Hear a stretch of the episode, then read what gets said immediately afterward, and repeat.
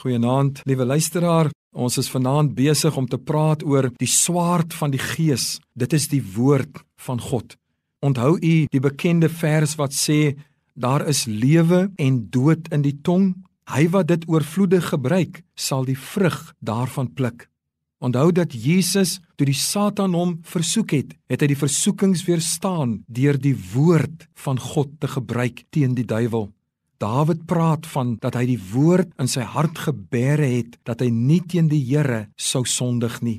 Die wonderlikheid is, liewe vriende, ons is nie geroep om as kinders van die Here maar net te staan en al die houe en al die pile af te weer en te hoop dat ons nie raak geskiet word en dat die duiwel nie vir ons beroof van ons geloof nie. Nee, die wonderlikheid is dat die Here vir ons 'n aanvalswapen gegee het en daardie aanvalswapen is die woord van die Here. Die Bybel sê waarvan die hart van vol is, loop die mond van oor en daarom moet ons ons volmaak met die woord sodat ons die woord kan spreek verbreek. Die woord is lewe, maar die woord kan ook die werke van die Satan verbreek en teestaan. En daarom moet ons manne en vroue van die woord wees. As ons praat oor ons stilte tye, dan is die bedoeling daarvan lees die woord, praat met die Here daaroor, vra die Here om sy woord op die tafels van jou hart te graweer, want u sien liewe vriende, Wanneer ons die woord gebruik, sê die Bybel, is dit skerper as enige twee snydende swaard. Dit dring deur. Weet jy wat? Selfs die duiwel sidder wanneer hy die woord van die Here hoor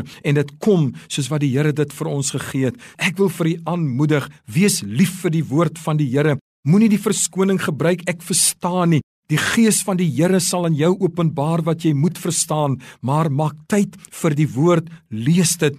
Gebruik die woord om genesing te spreek. Gebruik die woord wanneer jy bid. Gebruik die woord want Jesus het dit gebruik toe hy ook in sy groot nood was. Mag die Here vir u seën. Here, Dankie vir u woord. Dankie dat ons hier in ons land bevoorreg kan wees om 'n Bybel in die hand en in ons huise te kan hê. Help ons dat dit nie op 'n tafeltjie sal lê voor 'n bedkassie nie, maar help Here dat dit in ons harte sal kom. Maak ons lief vir u woord. Laat ons die woord spreek deur die dag dat ons lewe daarmee kan verkondig.